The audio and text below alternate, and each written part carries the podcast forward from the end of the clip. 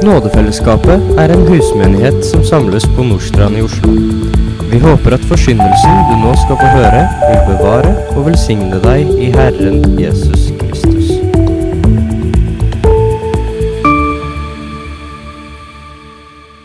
Overskriften i dagens tale er 'En krevende tro'.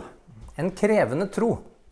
Og vi leser eh, sammen teksten som vi finner den i Matteus 12, 38 til vers 42. Noen av de skriftlærde og fariseerne svarte ham da og sa, 'Mester, vi vil gjerne se et tegn av deg.' Men han svarte og sa til dem, 'En ond og utro slekt krever tegn.' Men tegn skal ikke gis den uten profeten Jonas' tegn. For liksom Jonah var tre dager og tre netter i storfiskens buk, slik skal menneskesønnen være tre dager og tre netter i jordens hjerte. Men fra Ninive skal stå fram i dommen sammen med denne slekt og fordømme den, for de omvendte seg ved det som Jonah forkynte. Og se, her er mer enn Jonah. Dronningen fra Syden skal stå fram i dommen sammen med denne slekt og fordømme den, for hun kom fra de fjerneste strøk av jorden for å høre Salomos visdom, og se, her er mer enn Salomo. Herre, nå ber vi deg om at din ånd må komme og åpenbare ditt ord for oss, slik som du ønsker det for hver enkelt av oss i Jesu navn. Amen.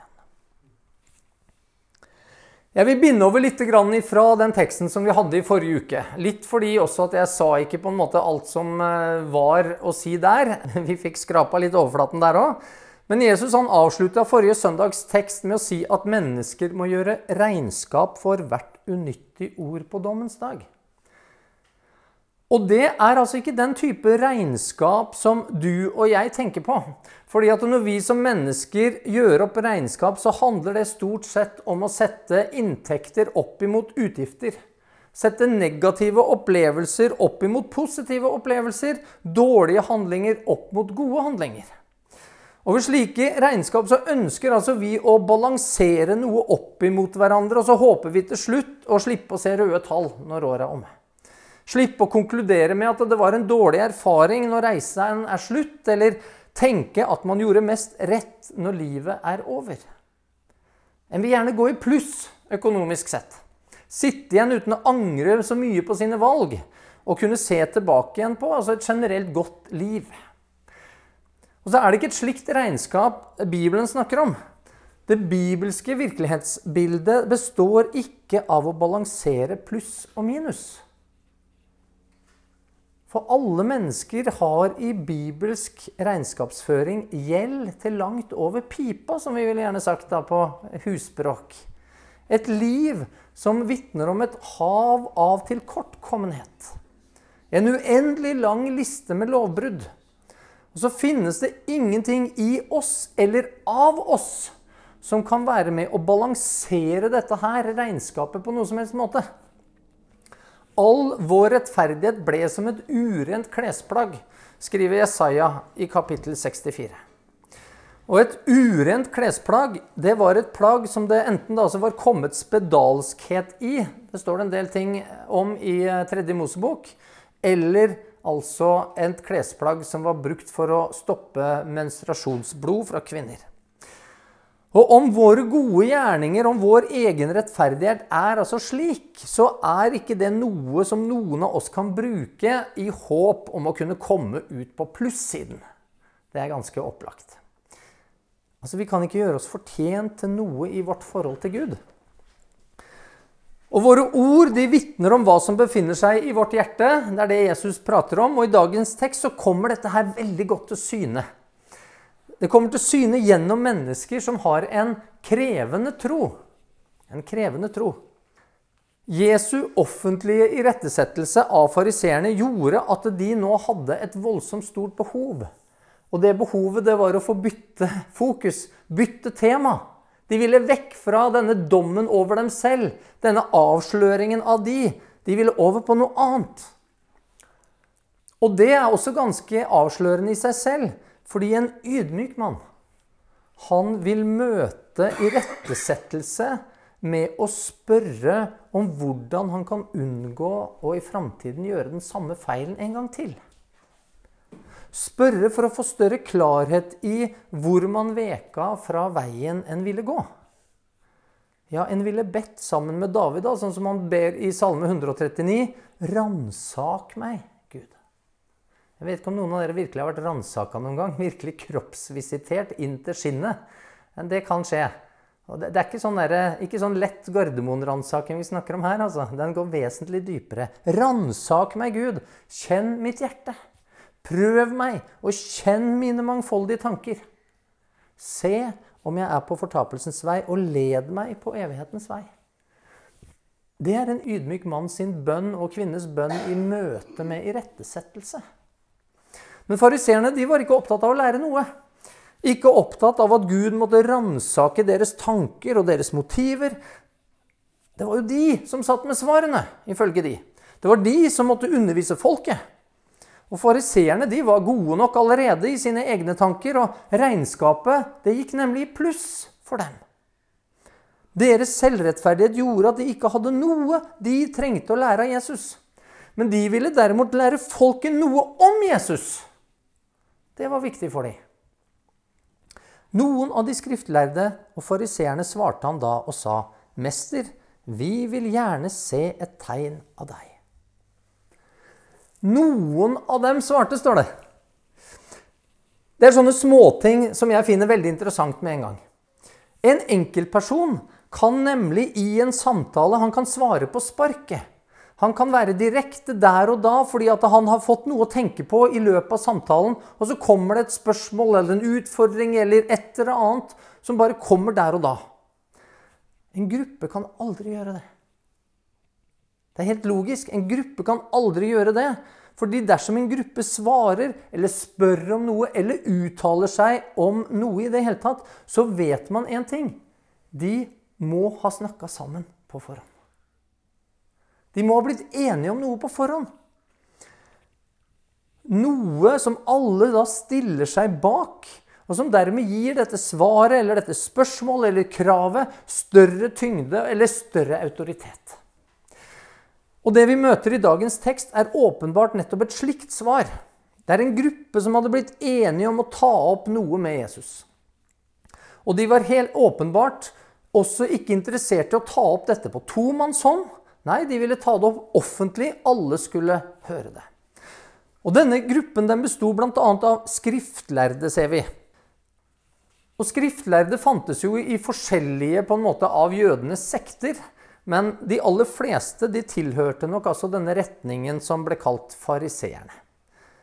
Og Det var de skriftlærde som var de aller mest lærde da, nødvendigvis, av disse fariseerne. Det var de som underviste de andre i gruppa.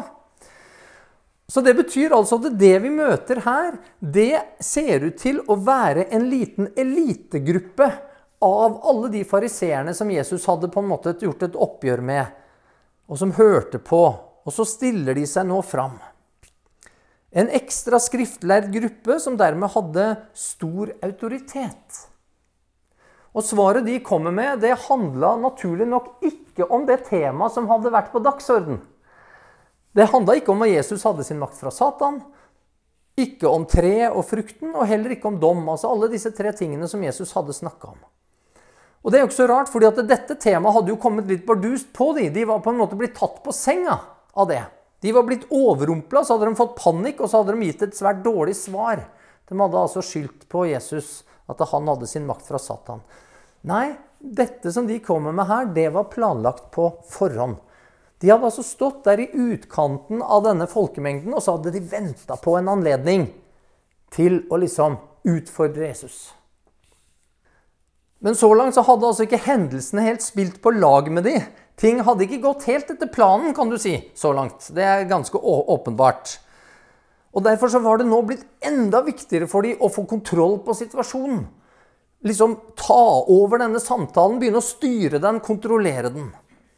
Og Vi skjønner altså at denne gruppen må ha hatt en helt spesiell hensikt med det de sier. Og Når folk altså har gått sammen og planlagt noen ting på forhånd, og driver og venter på en mulighet til å kunne si det, da bør vi lytte litt til hva de sier. Da er det ikke bare en sånn tom tanke som blir slengt ut. Så står det de svarte Men de svarer jo ikke på noe. De ber Jesus om noe, men de spør ikke. Legg merke til det. De ber Jesus om noe, men de spør ikke. Det blir liksom for ydmykt og puslete. Og så bruker de finurlige ord som egentlig er litt vanskelig å definere i forhold til hva det egentlig er. For det kan synes som et ønske, men det er åpenbart mer enn det. Det er ikke et direkte bud de kommer med, liksom at du skal gjøre dette, men det ligger likevel et krav i det de sier. Både i måten de formulerer det på, men også fra hvem det kommer fra. Og så kaller de han mester.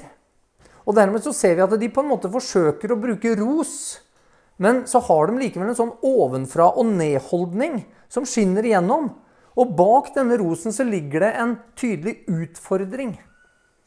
Og da begynner vi å forstå at disse ordene de er valgt med omhu. Det er veldig lett å se. Denne setningen har de sittet og finpussa på for at det skal framstå sånn som de ønsker det. Og Ut fra alt det vi vet om fariseernes forhold til Jesus, så kan vi slå fast at de er jo ikke ute etter her å sette Jesus i et godt lys.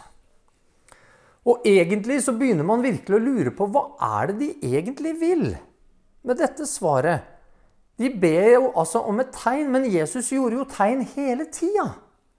Han hadde jo nettopp gjort et fantastisk under der altså han satte fri denne besatte, blinde og stumme mannen. Og Da virker det jo rett og slett litt merkelig å be om enda et tegn. Hva, hva er dette her for noe? Hva skulle dette her være godt for? Så må ikke vi falle for fristelsen til å tro at disse folka var dumme. For det var de langt ifra. Denne gruppa med altså bl.a. disse skriftlærde, de visste hva de gjorde. De kjente Skriftene, og ut fra deres kunnskap og ut fra deres hensikt så er altså ikke det de sier her, dumt. Jesus han hevda han var Messias. Han hevda at han var Gud. Og så er det altså på bakgrunn av dette de stiller spørsmålet i dagens tekst. Og vi får en litt større forståelse for hva de spør om når vi leser parallellteksten i Lukas kapittel 11. Der står det andre ville sette ham på prøve og ba ham om et tegn fra himmelen. Ok.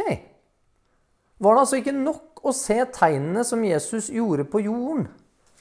Var det slik at de ville tro dersom nå Jesus gjorde et tegn oppe på himmelen isteden?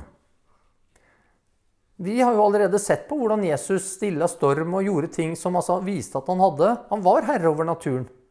Han var herre over det åndelige. Dette var ikke noe spesielt på den måten. Hvorfor spør de dette spørsmålet? Er det altså fordi at de nå tro, skal liksom komme til tro hvis bare Jesus gjør dette tegnet her? På himmelen, liksom? Nei, disse folka vil ikke tro uansett. Og det de ber Jesus om, er altså ikke for å få bevis for å kunne tro de forsøker å bevise at Jesus ikke er den han hevder å være. Og Det er litt greit å vite for oss òg. For det er mennesker i dag også som ber om bevis. Men de bevisene ber de ikke om for at de egentlig skal tro. Men de bruker det for å motbevise at Jesus er den han er. Og så svarer de Jesus dette fordi de ønsker å avsløre for folket at Jesus er en løgner og bedrager. Det er meninga med dette spørsmålet. For å forstå da hvorfor de stiller det på denne måten, så må vi også kjenne Skriftene. Både Johannes døperen og Jesus snakker om dom. Jesus senest altså rett i forkant av dagens tekst. Folket måtte vende om, for himlenes rike var kommet nær. Og Jesus han kunne jo faktisk oppleves til tider som en dommedagsprofet. Og en del ville sikkert tenke at å, dette her ble altfor alvorlig. Nei, det var, det, var, det var, triste greier, på en måte. Og noen mente sikkert at Jesus skremte mennesker. Hans lære var jo også usunn, ja, skadelig. Det ødela for Guds omdømme, liksom.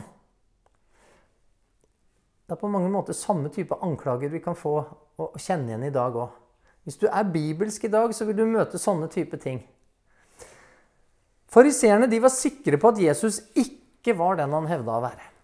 Det stemte ikke med den virkelighetsforståelsen de hadde, med det de så rundt seg, med at de var okkupert av romerne, med de Messias-forventningene de hadde.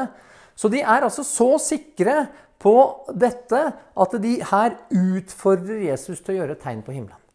Og det er ikke et hvilken som helst tegn de krever av han her. Dette er ikke tatt ut av løse lufta.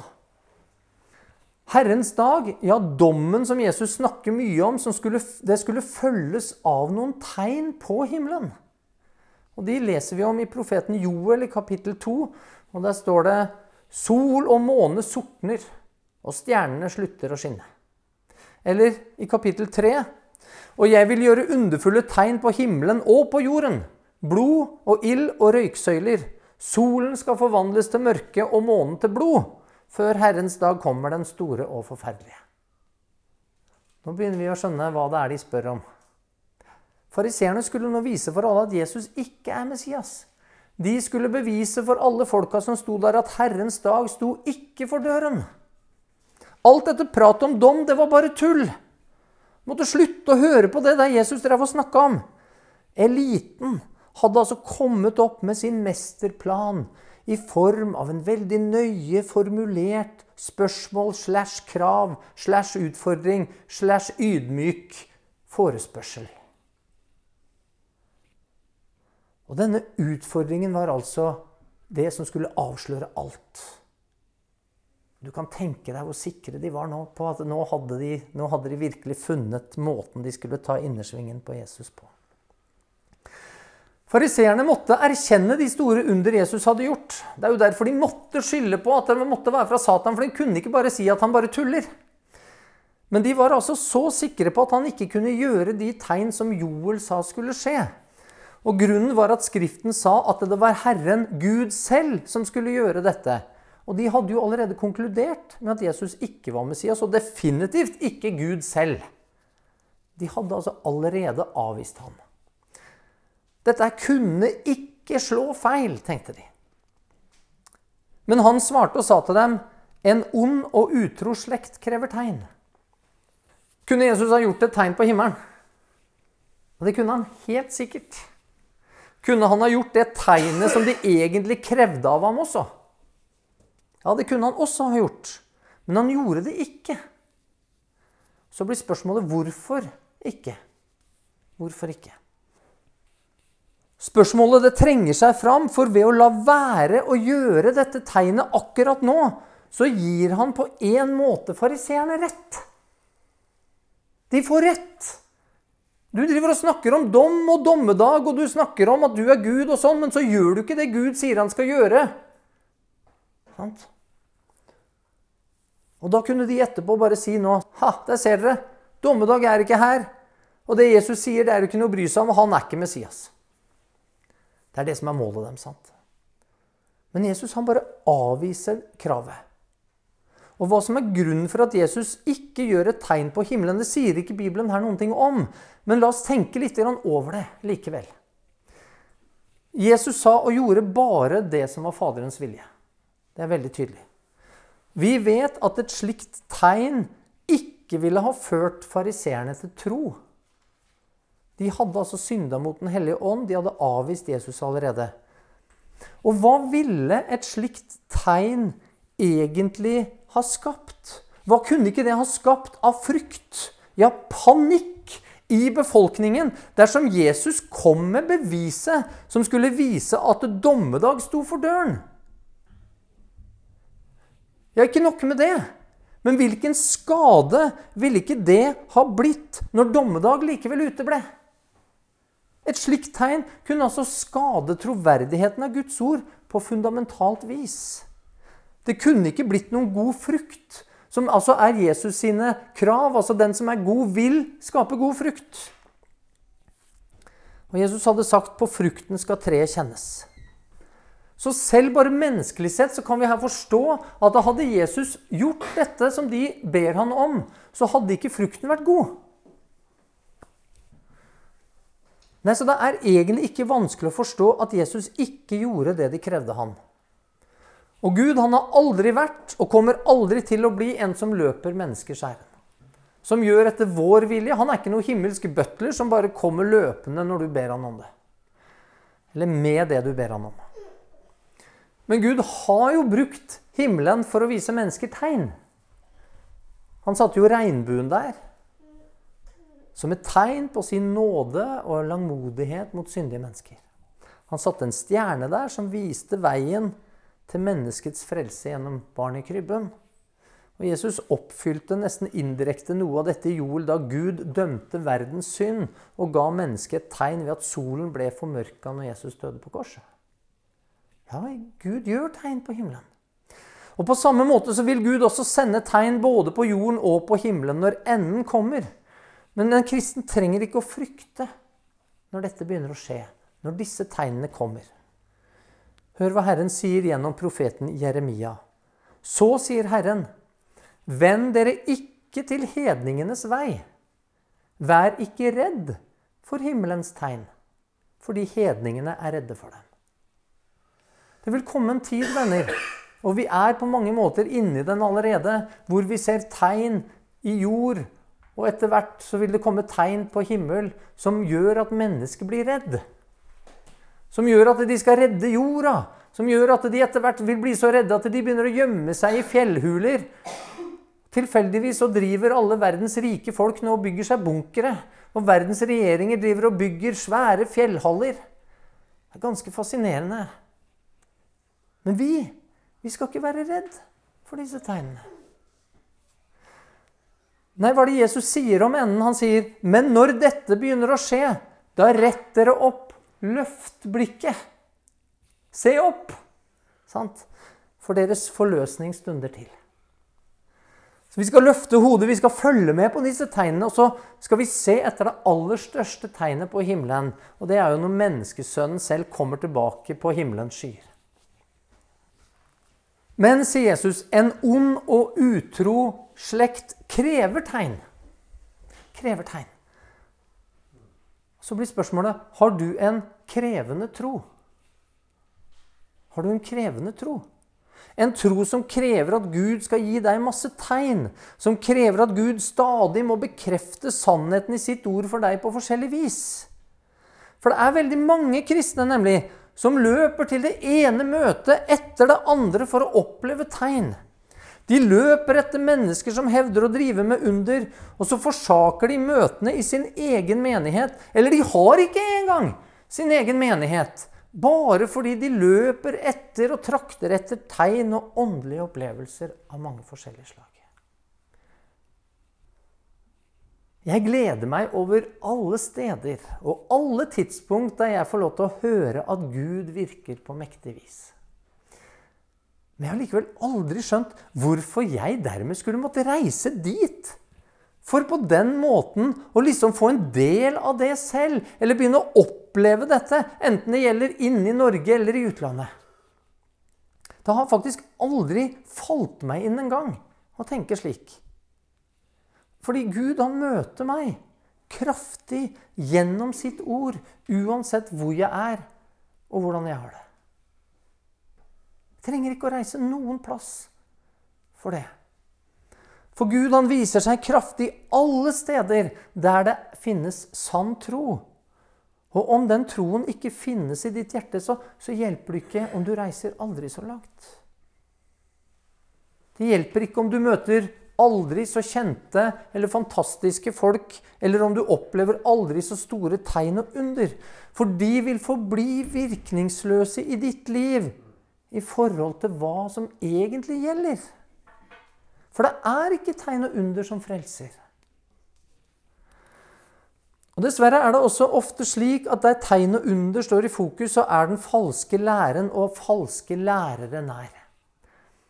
Og Jeg opplever at det meste som i en del sammenhenger kalles tegn og under, det er, det er regelrette bedrag. Falske tegn og under fra mennesker som forfører mange. Også i dag så er det nemlig en ond og utro slekt som krever tegn. Det, det, var ikke bare der. Det er akkurat sånn også i dag. Og ordene her er interessante.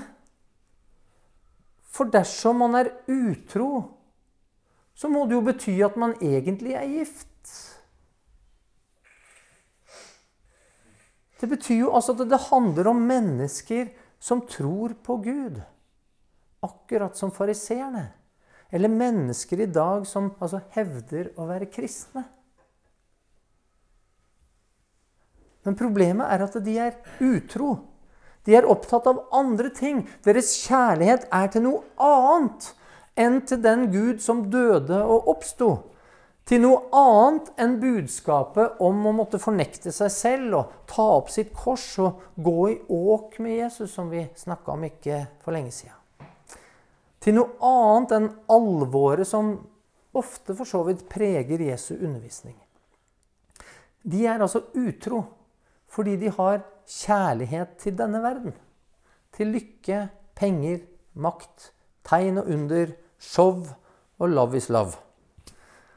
De er utro, og derfor så hjelper det ikke med Jesus på tross av altså deres bekjennelser med munnen.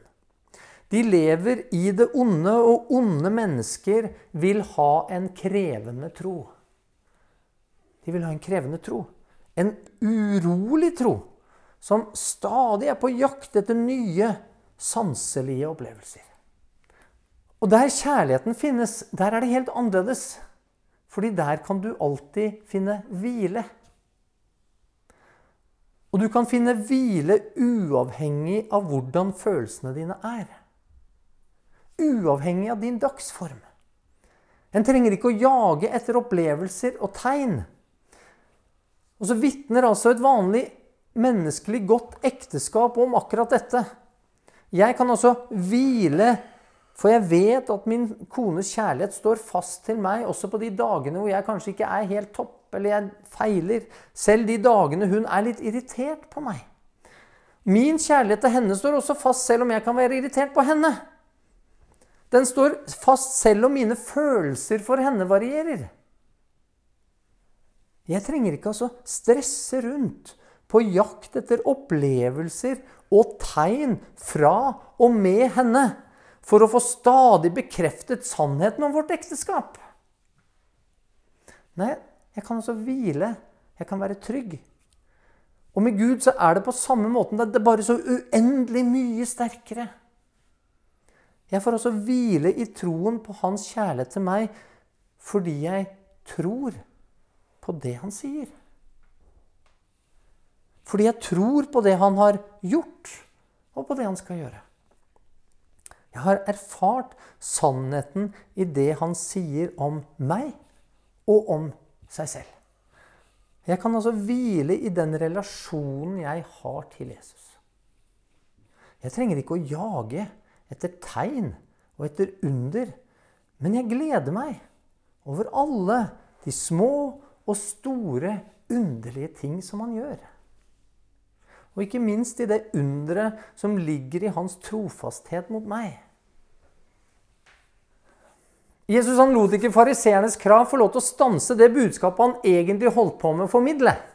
Han brukte det derimot som et lite springbrett for å gjenoppta det han egentlig snakka om. Men midt i det så driver han altså og lærer oss viktige ting. En svært viktig sannhet når det kommer til faren ved å være opptatt av tegn og under. Og Befinner du deg i slike kristne sammenhenger, eller selv altså løper til den ene og den andre plassen for å oppleve slikt, så er det et tegn du bør være opptatt av. Et tegn på at noe er galt i ditt kristenliv. Jesus han avslører fariseernes snedige krav her og utfordring. Og så viser han at de og en slik slekt er onde og utro mot den Gud som de hevder de tjener. Men tegn skal ikke gis dem uten profeten Jonas' tegn.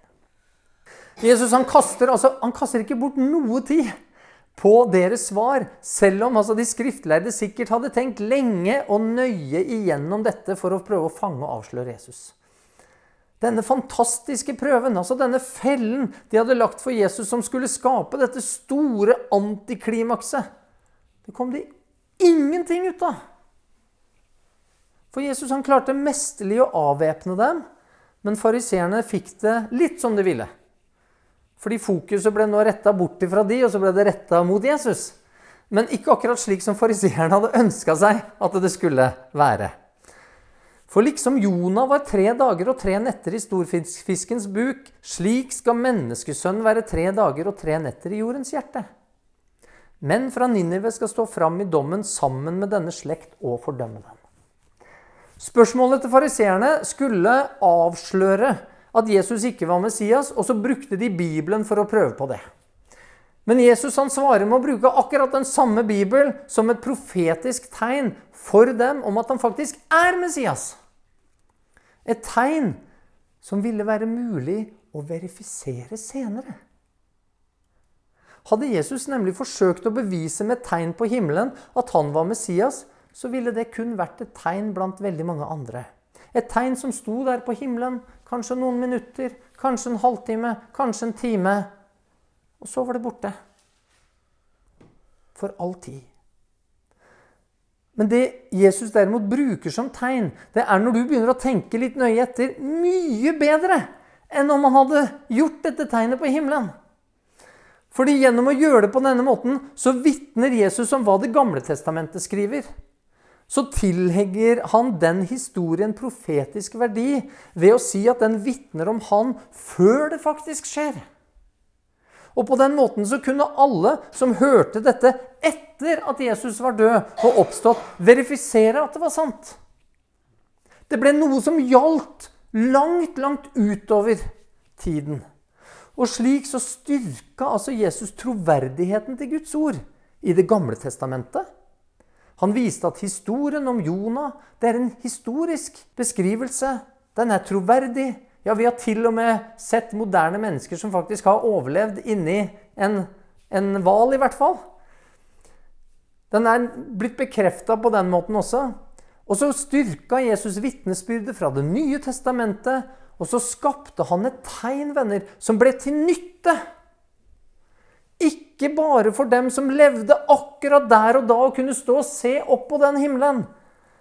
Men mennesker som i alle årene etterpå har kunnet lese om hva Jesus sa, og vite at mennesker hørte Jesus si dette før det skjedde. Mennesker som altså senere ble vitner til at det gikk i oppfyllelse, og skrev det ned for deg og meg. Da begynner vi å snakke om god frukt. Det, det stiller en helt annen liga enn om Jesus altså hadde gjort dette tegnet på himmelen. Jesus bruker bevisst uttrykket 'menneskesønnen' når han svarte fariseerne.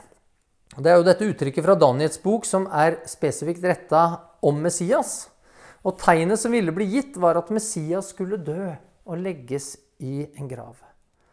Og så er det det tegnet som for all evighet vil skille en ond og utro slekt fra Guds slekt. For Jesus han holdt nettopp på å snakke om dom om at mennesker skal gjøre regnskap for hvert unyttig ord i dommen. Utfordringen fra fariseerne avbrøt han. Avbrøt hans undervisning om disse tingene. Og det som egentlig skjer her, det er talekunst av ypperste klasse. Det er bare å gå inn og begynne å analysere. For Jesus bruker tre setninger som er fulle av innhold. Undervisning om dype ting og åpenbaring om at Messias skal dø. Samtidig svarer Jesus på fariseernes utfordring bare for å lede han rett tilbake på sporet som han egentlig snakka om. Boom, og så er han tilbake igjen der han var. Det der er mesterlig taleteknikk, venner. Det er altså ikke så veldig overraskende når det er mesteren som taler. Og så er det litt fascinerende å se hvordan evangeliene her utfyller hverandre og, og styrker hverandre, i, i, og at de peker altså på to sider av samme sak. I Lukas så står det For like som Jonah ble et tegn for folket i Ninive, slik skal også menneskesønnen bli det for denne slekt. Hvilke tegn var Jonah for folket i Ninive? Hvilke budskap var det Jonah kom med? Om 40 dager skal Ninive bli ødelagt. Det var hans budskap. Det var det budskapet han hadde fått fra Gud. Så Jonah kom altså med et domsbudskap. Og så sier Jesus at slik skal også Messias bli for denne slekt. Men han er jo kommet for å frelse. Messias skulle jo komme for å redde folket. Ja, Men folk hadde avvist Jesus. Så sjokkerer han egentlig folket og så sier at han kommer med et budskap om dom fra Gud. Det er det Jesus sier her. I teksten fra Matteus så finner vi motsatsen til dommen. For når Jonah ble hevet over bord, så var det for å stille Guds dom. Og på den måten så redda Jonah livet til alle i båten. Det var deres handling med å kaste han av båten som gjorde at han kom tre dager i fiskens buk. Og slik ville også det at mennesket drepte Messias, føre til frelse. Så Jesus kom for å frelse, men også med et budskap om dom og fortapelsens realitet. Jonah kom også med et budskap om dom. Men av alle merkelige ting så trodde folket i Ninive på hans budskap. Det, det er merkelig. Og så er det akkurat her hvor kruttet ligger i det Jesus nå sier. Folk i Ninive trodde. Hvorfor det? Jonah var ikke berømt. Det var vel ikke noen i den byen som kjente den engang. Han hadde ikke et rykte på seg for å være en sann profet. Han gjorde ingen under. Han kom ikke med et eneste tegn ja, Han sa faktisk ikke engang at Gud ville spare byen dersom de omvendte seg. Han sa ikke det. Og på tross av alt dette så trodde folket. Og så ropte de ut en faste. Ja, selv kongen kledde seg i sekk og ga bud om at folket skulle rope til Gud av all sin makt og vende om, hver fra sin onde vei og fra den urett som henger ved deres hender, står det. Hvorfor skulle de det? Jo, her får vi se tro, venner. Hvem vet? De visste ikke. Hvem vet? Gud kunne da vende om og angre det. Han kunne vende om fra sin brennende vrede, så vi ikke går til grunne. For en tro! Asyrerne, altså. De var kjent for sin ondskap, for sin brutalitet, om hvordan de i kriger flerra opp magene til gravide og tok, eh, tok ut foster og slengte det mot veggen og drepte det. Sant? Og, og de, de flytta hele folkegrupper til andre deler av riket. Altså, det var, var brutalt! De var kjent for sin avgudsdyrkelse. Og om altså uttrykket 'ond' og 'utro' burde passe på noen, så burde det altså passe på disse. Og Likevel så er det altså av alle ting nettopp disse som tror på Jonah. Ja, altså uten et eneste tegn. De har til og med en teologi som vitner om at de hadde et håp om at Gud er nådefull. Dersom de omvendte seg og slutta med sin ondskap på tross av at Noah aldri forkynte det. Og det, venner, det er mer enn det man kan si om jødene. For Jesus han gjorde mange tegn. Han hadde et rykte. Han var godt kjent. Han sa at folket måtte omvende seg eller møte dommen. Og Likevel så trodde jødene ikke, og lederne av folk hadde akkurat beskyldt ham for å være fra Satan. Du finner faktisk ingen plass med større kontrast enn akkurat her. Jonah og Jesus. Ingen har hatt mindre grunn til å tro på Jonah. Ingen har hatt større grunn til å tro på Jesus. Og hvis du går og tror at et tegn og under skal få deg til å tro, da bedrar du deg selv. Da er du fullstendig ute på jordet. Så sier altså Jesus at menn fra Ninive, onde og ugudelige asyrere, jødenes erkefiender fra gammel tid De som altså hadde tatt hele Nordriket og spredt hele de ti stammene sier altså Jesus at de skal stå fram i dommen og fordømme jøder. Ja, til og med fariseere og skriftlærere. Ja, mange som kaller seg kristne. Og Det betyr altså at det vil være menn fra Ninive som ble frelst for evigheten. det, venner. På tross av minimalt med kunnskap. På tross av at de aldri hørte om Messias, og på tross av at de aldri var Guds utvalgte folk. På tross av at de aldri så et eneste tegn. Men de trodde det ørlille vitnesbyrdet de fikk fra Gud. De fikk nesten ingenting, men det bitte lille var nok. Og troen på det frelste dem. Skjønner du hva et lite vitnesbyrd om Jesus kan få lov til å bety i et menneskes liv? Om 40 dager blir byen ødelagt. Det var nok til å få mennesker inn i evigheten! Og vi har et mye bedre budskap enn det. For de omvendte seg ved det som Jonah forkynte. Og se, her er mer enn Jonah. Dronningen fra Syden skal stå fram i dommen sammen med denne slekta og fordømme den. For hun kom fra de fjerneste strøk av jorden for å høre Salomos visdom. Og se, her er mer enn Salomo. Dronningen av Saba, eller Syden, eller sabbateerne, som det står her, da, de kom fra sør, veldig langt sør, på den arabiske halvøya. Det var et rikt land fordi de drev med denne lukrative handelen mellom India og krydderier og forskjellige ting som kom via karavaner da, opp og til Middelhavet. Og, og, og, her lå de akkurat som en rik havneby, og som dreiv på med dette her. Og denne dronningen av Saba, det er altså ikke småtteri hun driver på med. Det er nesten 200 mil hun reiser for å lytte til visdommen som Gud hadde gitt Salomo. Og så kommer hun med voldsomme gaver for å vise han ære.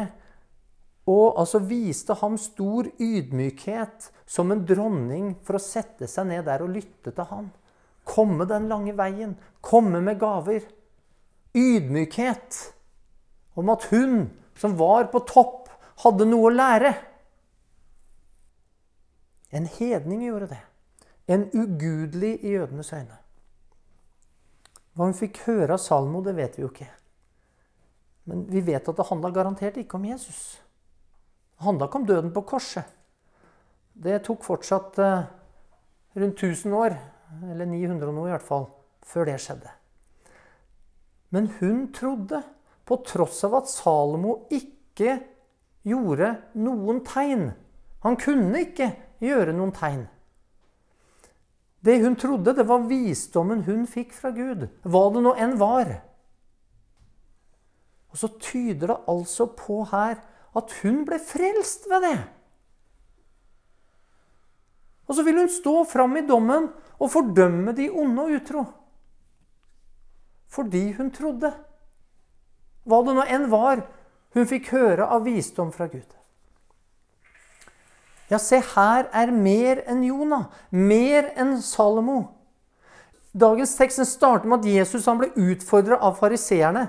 Men det spora ikke Jesus av fra det viktige han ville si. Og så ender det opp med altså at det er Jesus som utfordrer dem. Ja, han utfordrer alle. Han utfordrer deg og meg i dag. Her er mer enn Jonah. Her er mer enn Salomo. Hva gjør du med det? Hvordan forholder du deg til det? Hvordan forholder du deg til meg? Jesus utfordrer deg i dag akkurat like mye som det han gjorde den gang. Min venn, når mennesker tidligere både trodde og omvendte seg i møte med Jonah og Salomo, så finnes det ingen unnskyldning for noen om de i møte med Jesus ikke gjør det samme. Ikke en eneste unnskyldning. I Jesus så finner vi hele Guds herlighet. Vi finner all kunnskap om Gud. Han gjorde alle tegn som noen noen gang skulle trenge. Han viste en godhet som intet menneske er i nærheten av. Og han talte sannhet. Bare sannhet. Og om en ikke vil tro etter et møte med Jesus, så finnes det ingenting som vil få et menneske til å tro. Og Derfor er det så viktig å fortelle mennesker om ham. For han er den eneste balanserende faktor i møte med dommen. Jesus er den eneste som kan slette ut denne gjelda som når oss over pipa. Den eneste som står foran Gud, og som har fortjent noe som helst. Det er kun i Jesus at du kan finne nåde i Guds øyne. Og så får du den nåden gratis kun ved tro. Og venner, det er en tro som ikke krever, men som hviler i det Gud har lovet, og i det Jesus har gjort. Vi møter to mennesker i Bibelen som er veldig flotte forbilder for oss på denne måten. Og det er Simeon og Anna. To mennesker som aldri hørte en eneste tale av Jesus. Som aldri så et eneste tegn, aldri hørte om et eneste mirakel fra Jesus. Nei, de så han kun som et bitte lite spedbarn. Men i likhet altså med mennene fra Ninive og dronningen av Saba, så var det nok. Det var nok fordi de trodde det Gud hadde fortalt dem når det gjaldt det lille barnet. Og så sier Simon, se, denne, altså dette barnet, er satt til fall og oppreising for mange i Israel. Dommen og frelsen. Og til et tegn som vil bli motsagt. Hva er det vi nettopp har lest om? Jo da, fariseere som motsier og motsier og motsier. Motsagt av fariseerne. Og etter å ha sett Jesusbarnet, så er det ikke sånn at Simon går nå og krever mer. Nei, hva er det han sier? Han sier til Gud, 'Nå kan jeg få dø i fred'. Han trengte ikke noe annet tegn. Jesus var nok. Anna hun var en gammel dame på 84 år. Og Mesteparten av livet hadde hun levd som enke. Likevel så ble hun altså en av verdens aller første misjonærer.